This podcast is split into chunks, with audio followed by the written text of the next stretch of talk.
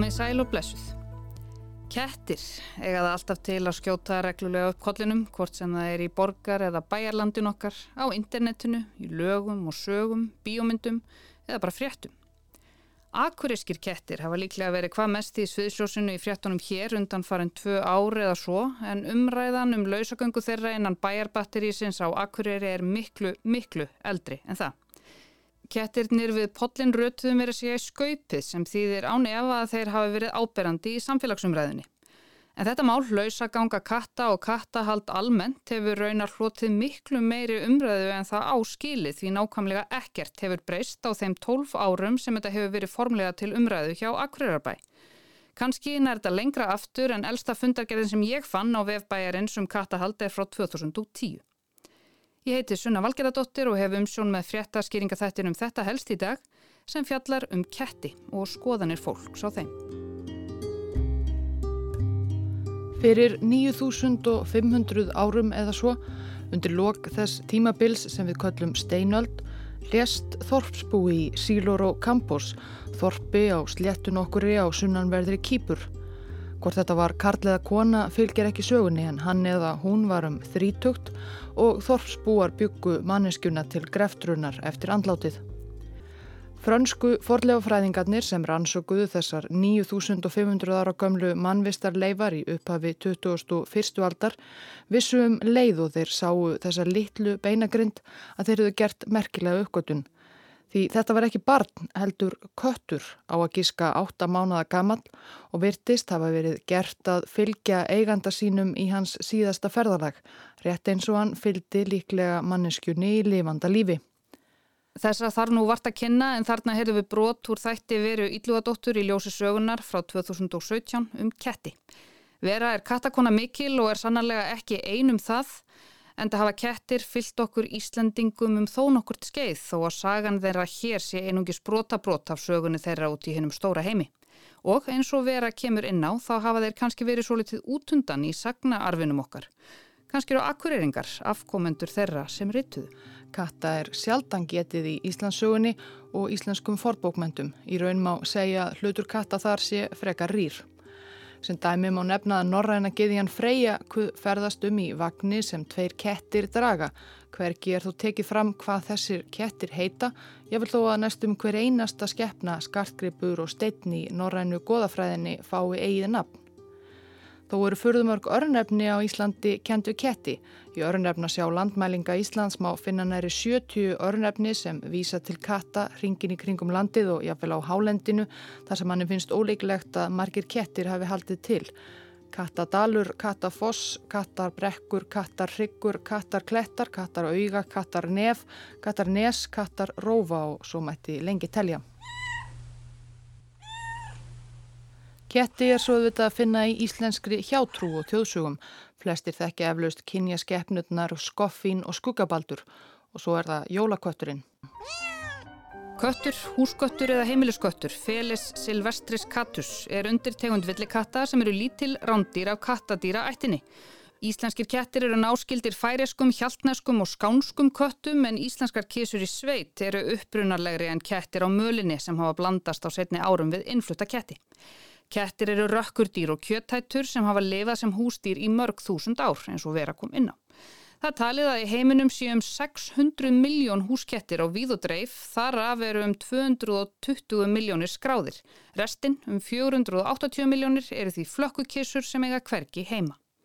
Allir eigendur gælutýri á Íslandi eiga samkvæmt lögum að örmerkja alla hunda, ketti og kaninur, þannig öll gælutýr ættu að finnast í gagnagrunni. En þrátt fyrir merkingaskildu er ekki vita hversu margir kettir finnast á Íslandi. Skráðir kettir er rúmlega 20.000 en töluvert er um óskráða ketti. Hildarfjöldi, höfuborgar og landsbyðarkatta gæti því verið um það byrð 30.000 stykki. Það svipar fjöldi og allir íbúar hafnafjörðar.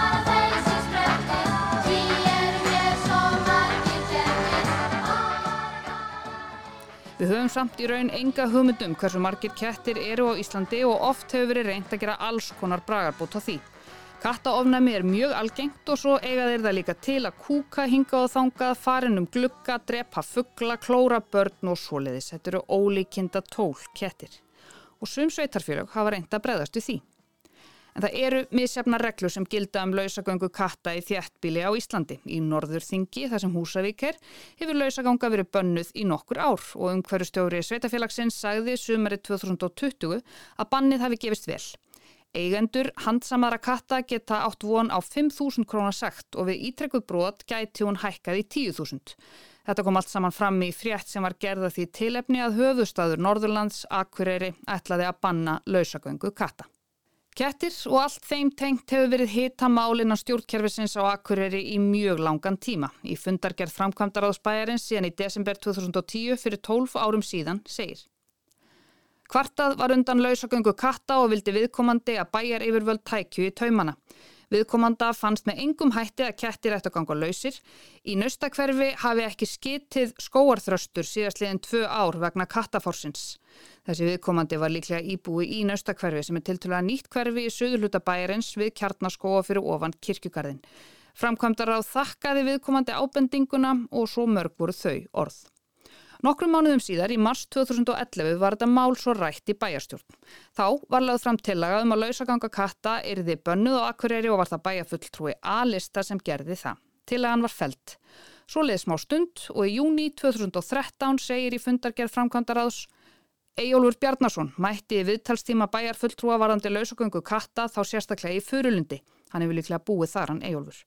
Förurundur er á brekkunni fyrir þau sem ekki vita rétt hjá MS og afleggjaranum upp í hlýðafjall. Framkvæmdaráð hefur ekki í hyggju að endur skoða reglur um kattahald og bendir á að tillaga um bann við lausugöngu katta var feld í bæjarstjórn 1. mars 2011 með tíu atkvæðum gegn einu atkvæði. Og hana nú. Þetta var 2013, við ætlum ekki að banna lausagöngu katta í Ólfur í Furlundi, sagði Akureyra þarna. En hvað gerðist svo? Veturinn 2016, þremur árum síðar, rætti umhverfisnemnd Akureyrar þetta enn og aftur. Umhverfisnemnd óskar eftir því að nýtt umhverfis- og mannvirkjasvið taki til endurskoðunar samþygt um kattahald á Akureyri. Svo leið eitt og hálft ár. Vorið 2018 tók tjeð umhverfis og mannvirkjaráð fyrir erindi annars manns, ekki Eyjóls í Furulundi og ekki viðkomandi í naustakverfi þar sem engin þröstur hafði skitið í nokkur ár, heldur Jóhanns Gunnarssonar sem vildi að lausaganga katta yrði bönnuð. Umhverfis og mannvirkjaráð saði þarna að ekki standi til að gera breytingar á reglum um kattahald. Ári síðar, vorið 2019, var málið aftur tekið fyrir hjá umhverfis og mannvirkjaráði. Þá var það ónemdur bæjarbúi sem vildi herða reglur um lausagöngu katta. Vakti hann aðtegli á sóðaskap frá köttunum sem gera jafnvel þarfir sínar í matjúrstagörðum í búana. Fugglalífi í innbænum er undir miklu álægi að völdum kattana að hans sögn. Bæjarbúin sennilega íbúi í innbænum sem er svæðið frá leikúsinni að skautahöllinni fyrir neðan nöstakverfið muniði. Hann kvartaði líka undan hundaegundum. Og þarna dróð til tíðinda. Það var samþygt að taka til endurskoðunar samþygtir um kattahaldi Akureyrabæ með það að markmiði að setja skorður við lausagöngu katta. Jafnframt verði gert tillega að aðgerðar áallun á samt kostnadargreiningu. Mikil vinna framöndan þarna og þetta var í á vorið 2019. Tveimur árum síðar, vorið 2021, var lagt til að auglýsa og fræða bæjarbúa um áhrif á lausagöngu katta og endurskoða svo reglurnar. Íbúar sem hvertuðu voru loks að fá eitthvað í gegn. En svo gerist þetta í november sama ár, lausaganga katta bönnuð frá að með áramótonum 2025. Meiri hluti bæjarstjórnar Akureyra samþýtt í gæra banna lausagöngu katta í bænum og þetta er að segja að skiptar skoðanir séu á bannin á meðal íbúa. Ég er bara sáttuð við það. Bara þetta er skriðandi inn í glugga hjá fólki og, og gera þarfið sína inn í húsum og allavega. Ég vil ekki allast upp í uh, samfélagi þar sem að börnum mín fá ekki að hérna hýtta ketti bara út á göttu sko. Bara þetta er ógislegt fyrkindi drullandum alla lóðir og pissandi og vondlíta þessu og drepa fugglana og hvað viltu? Og maðurinn er hústýri á kettinu. Þannig að ég held að það verði engu tjón, tjón sko það verði alls ekki hægt að tjónka nýtt úr kettina sko. Og Ragnæður Gunnarsdóttir eða Ragnæður í Kísukótu og Akureyri hefur verið þar síðastlegin tíu ár e, þar sem þau eru að bjarga villiköttum og öðrum tíndum köttum sem finnast á Akureyri og í Grentu bæin. Hún er á línunni, kontur sæl. Hvað segiru við þessum fréttum? Þetta er svona, maður var svona alveg fann að búast við því að þeir myndu setja svona banna á en ég vonaði nú að þeir myndu ekki ganga svona langt sko þegar ég byrjaði uh, í janúar 2012 þá var rosalega mikið afvilliköttum í bænum Við erum búin að taka hundruður katta af göttum bæjarins sem er náttúrulega í rauninni vinna bæjareftillit eða dýraeftillit bæjarins en þeir hafa í rauninni ekkert sitt þessum málaflokki neitt frá því að ég byrjaði í þessu. Nýtt stjórnmála sem að ætlaði er að gæta hagsmuna katta var stofnað á Akureyri í dag. Helsta baráttumál frambóðsins er að mjálma burtu bæjarfulltrúa sem vilja banna lausagöngu katta eins og aðstandendur listans orðaða. Þegar ég frétti af þessu, þessari ákvörum bæjarstjórnar um, fyrir nokkrum vikum að þá hérna bara ofböð mér og þessi, þessi hugmynd kom upp að, að, hérna, að, að bjóða fram hérna lista fyrir hönd kattana. Eigendur kattana eru með kennutölur og, og, og þeir lána bara kísunum sínum kennutölu. Kattaframbóð Snorra Ásmundssonar varð að veruleika fyrir síðustu sveitarstjórnarkostningar. Fyrstu fimm sæti listans voru skipuð svona. Snorri sjálfur fyrir köttin Reykjavík var í fyrsta sæti. Eigandi Pusegutt var í öðru. Eigandi Snúpa í þriðja, Pjaks í fjörða og eigandi Molli Mjáfjörð var í fymta sæti. Kálistinn hlaut 373 atkvæði í sveitarstjórnarkostningunum 14. mæ 2022 og náði ekki manni eða ketti inn. En baróttan var samt ekki töpuð. Í miðju havaríinu gerði maskína líka könnun sem síndi að Íslendingar væru mjákvæðir eins og maskína orðarða gagvart köttum. 65% svarenda vildu að kettir fengju að ganga lausir en 35% voru á mótiði. En í april kortir í kostningar gerðist reyndar svo litið.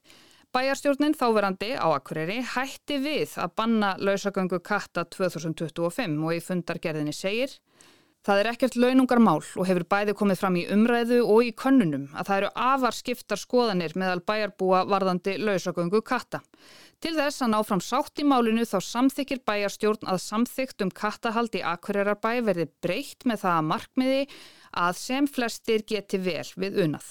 Bæjarstjórn samþykir að setja inn tilmæli sem snúa að varptíma fuggla auk þess sem settir inn að lausaganga katta verði ekki heimila næturlægi frá miðnetti til klukkan 7 um morgunin og tekur það ákvæði gildi frá og með næstu áramótum. Þegar að bæði stóri vísirinn og litli vísir eru að tólf, þá kemur þú inn. Bæjarstjórn er búin að ákveða það. Þegar, það kemur myrkur, þá þú inn. Dimt, úti, dimt, dimt. Mm -hmm. Ekki úti, koma inn. Fá þá fisk og mjölk, mjölk. Mm. Æ, þið úti veist að tími katta meika náttúrulega engar sans. Nei, nei. Verður við ekki bara að taka sénsinn á þessu? Varst ekki búin að heyra hvað kom fyrir skottu á grinnum öllum? Nei. Hún er ennþá í gæsluvarðhaldi og hún er með réttarstöðu sakbornings. Ég trú það ekki. Jú. Viðsælingskotturinn. Já. Þetta fór í loftið núna á rúf rétt fyrir miðnetti þegar um það byl einn og hálfur klukkutími var í að útivistartími akureyskra katta tæki gildi. En hvað gerist svo? Ágúst Ólofsson, fréttamaður rúf á Akureyri, var með þessa frétt núna bara annan janúar. En kísur á Akureyri ganga enn frjásarum nætur. Banni tók ekki gildi eins og til stóð. Nei, þetta tekur ekki gildi, þetta þarf að fara í setni umræðu hvað reglum og við tökum þetta nú fyrir á næsta, næsta fundi sem er 17. janúar. Segir Heimir Örn Árnarsson fósiti bæjastjórnar og það sé alveg óljóst hvað gerist við þá umræðu. Og hvort að fyrir ákvörum verður dreyin tilbaka eða, eða samtingstætti óbreytt, það er bara eitthvað sem að er að fara núna í umræðu. En er það mögulegt og einu myndinni að þessu verði ekki framfyllt eins og tilstendur eða hvað? Já, já, það er alveg möguleiki og, og, og þetta breytir þá bara í, í tilmæli um að, að fara eftir þessum reglum en ekki, ekki kannski í lög, sko. En vonandi tækist nú að ljúka málinu svo ekki þurfu að eyða í það meiri pening og tíma. Og að þetta sé alveg sem mál sem er eftir að ræðu þá finnst mér persónulega allt og mikil tími búin að fara í þetta blessa kattarmál. Ætli það með ekki alveg taka undir þetta með heimi. Það er búið að fara bæði mikil tími og mikil orka, líklega peningar líka í þetta mál hjá stjórnandum Akureyrbæjar. Svo er bara að býða og sjá hvað gerist 17. janúar, hvort kísurnar fáið að vera frjálsar eða endi svona. Haldu kæfti, Depill! Færði ekkert helviti símtal. Það eru mannréttindi og þú köttur! Ég heiti Sunna Valgerðardóttir og íslenskir þjættbíliskettir voru dagskrái þetta helst í dag. Það er hægt að nálgast þennan þátt í spilara rúf og öllum hlaðvarpsveitum og alla aðra þætti af þetta helst. Takk fyrir að leggja við hlustir og við heyrumst aftur eftir helgi.